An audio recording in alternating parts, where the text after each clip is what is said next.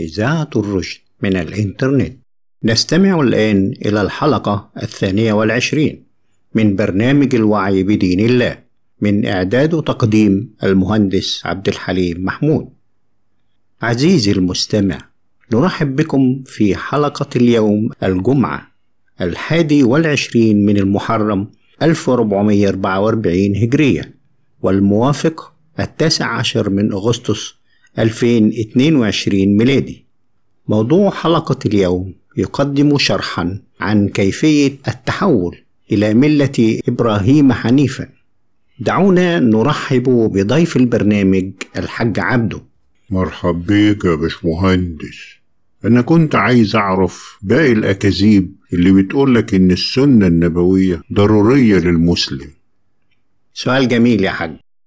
أول كذبة بيقولوا عليها إن السنة ضرورية عشان نلاقي فيها تفاصيل الصلاة. والحقيقة إنه لا يوجد ولا حديث واحد في كتاب البخاري ولا في كتاب صحيح مسلم بيقول لك إيه هي تفاصيل الصلاة؟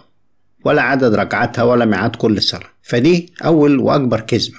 والحقيقة التانية إن كل مسلم بيصلي النهاردة هو في الحقيقة اتعلم الصلاة من والديه أو من معلم علمه دون أن يفتح كتابا واحدا من كتب السنة. يا باشمهندس هو البخاري ده له كتب تانية غير كتاب صحيح البخاري؟ سؤال جميل يا حاج عبده والسؤال ده بيكشف الكذبة التالتة اللي كنت لسه هقولك عليها إن البخاري مات في شوال 256 هجرية ولم يترك ولم يكتب مخطوطة واحدة ولا كتاب واحد على الإطلاق. الله الله الله. أمال كتاب البخاري اللي بنقراه النهاردة ده مين اللي كتبه يا باشمهندس؟ الكتاب ده يا سيدي اللي كتبه مشيخة الأزهر في عهد الشيخ حسون النواوي سنة 1311 بأمر السلطان عبد الحميد الثاني سلطان الدولة العثمانية.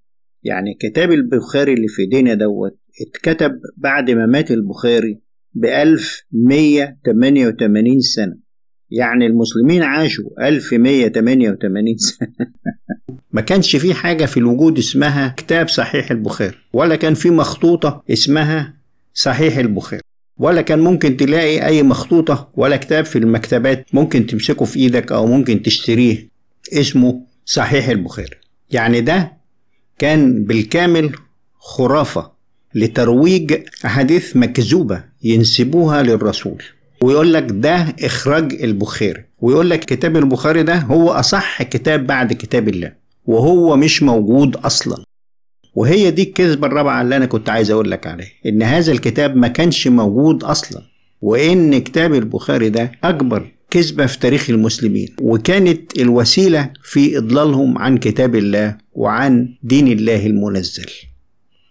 طيب يا باشمهندس ممكن تلخص لنا إيه اللي إحنا اكتشفناه في السنة النبوية في الحلقات اللي فاتت.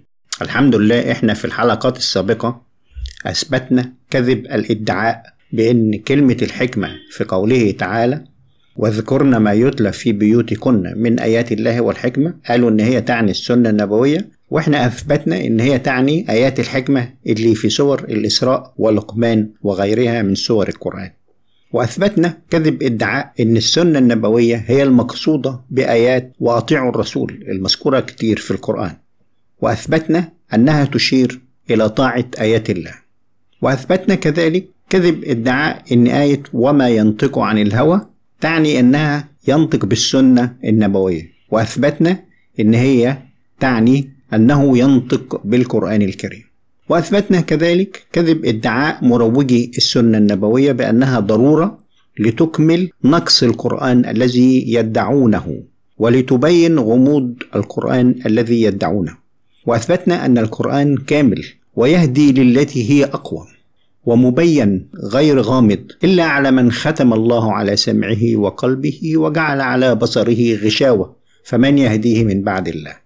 وبذلك نكون بعون الله قد أتممنا مهمة دحض جميع ادعاءات وأكاذيب المروجين لمذهب السنة النبوية اللي فتنت مسلمين العالم في دينهم فبدلوا بها كلام الله وشككوا في كمال دينه وتمام نعمته طيب يا باشمهندس يعني إيه الطريقة اللي تحمي المؤمن من فتن المذاهب ديت؟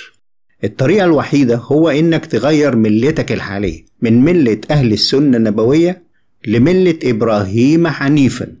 وهو إيه الفرق بين الملتين يا باشمهندس؟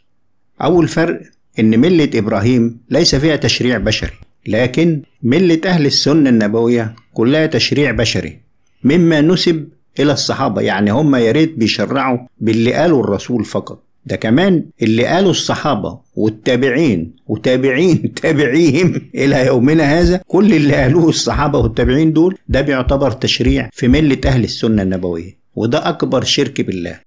لأن ربنا قال إيه؟ أم لهم شركاء شرعوا لهم من الدين ما لم يأذن به الله ولولا كلمة الفصل لقضي بينهم. وإن الظالمين لهم عذاب أليم.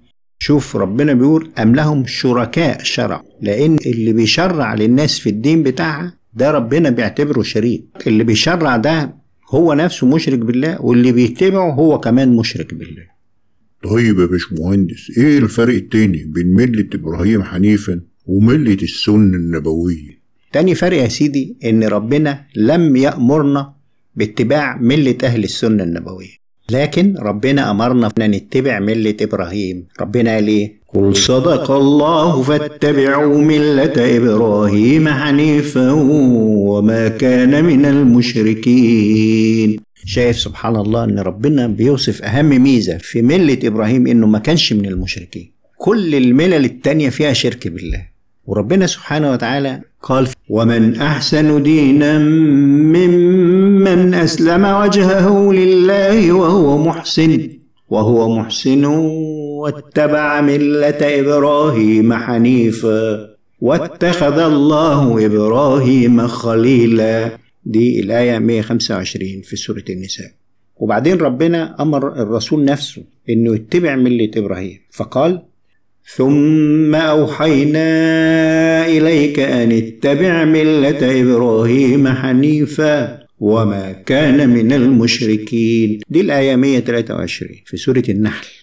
طيب وإزاي يعني يا باشمهندس أحول الملة بتاعت الملة إبراهيم؟ يعني أروح أعمل إعلان في الأهرام ولا أكتبها على الفيسبوك؟ يا حاج حول ملتك بينك وبين ربك. مالكش دعوة بالفيسبوك ولا بالأهرام الدين ده علاقة بينك وبين ربك بين اتنين فقط لغير ما تدخلش في حد تاني. تحويل الملة يعني إيه يا حاج؟ يعني تصلح مفاهيمك يعني تصلح إيمانك بالله وتصلح عملك عشان ربنا يرضى عن عملك. بس كده. لكن تحويل الملة مش معناه تروح تعمل حرب طائفية وحرب عائلية وحرب عالمية. طيب يا باشمهندس بس قول لي إيه بالظبط اللي أنا أعمله عشان أحول لملة إبراهيم؟ أول حاجة اعمل زي صاحب الملة. صاحب الملة مين يا باشمهندس؟ سيدنا إبراهيم يا حاج. فأنت شوف صاحب الملة سيدنا إبراهيم عمل إيه واعمل زيه. طيب هو عامل إيه يعني يا باشمهندس؟ قال أفرأيتم ما كنتم تعبدون أنتم وآباؤكم الأقدمون. فإنهم عدو لي إلا رب العالمين. أفرأيتم ما كنتم تعبدون؟ دول كلهم عدو لي إلا رب العالمين. الذي خلقني فهو يهدين والذي هو يطعمني ويسقين وإذا مرضت فهو يشفين والذي يميتني ثم يحيين والذي أطمع أن يغفر لي خطيئتي يوم الدين. دي الآيات من 75 ل 82 في سورة الشعراء. وده معناه إنك تتبرأ من أي هوية دينية أو جماعة دينية أو طائفة أو مذهب لأهل السنة والجماعة ولا الشيعة ولا جماعة الإخوان ولا المذهب السلفي ولا الخوارج ولا داعش ولا القاعدة ولا طالبان. يعني تتبرأ من أي جهة بتسمي نفسها جماعة إسلامية أو إمارة إسلامية أو حزب إسلامي أو ملة غير ملة إبراهيم حنيفة. واعلم أن الله قد برأ رسوله صلى الله عليه وسلم من كل هذه الجماعات فقال إن الذين فرقوا دينهم وكانوا شيعا لست منهم في شيء. إنما أمرهم إلى الله ثم ينبئهم بما كانوا يفعلون. دي الآية 159 من سورة الأنعام.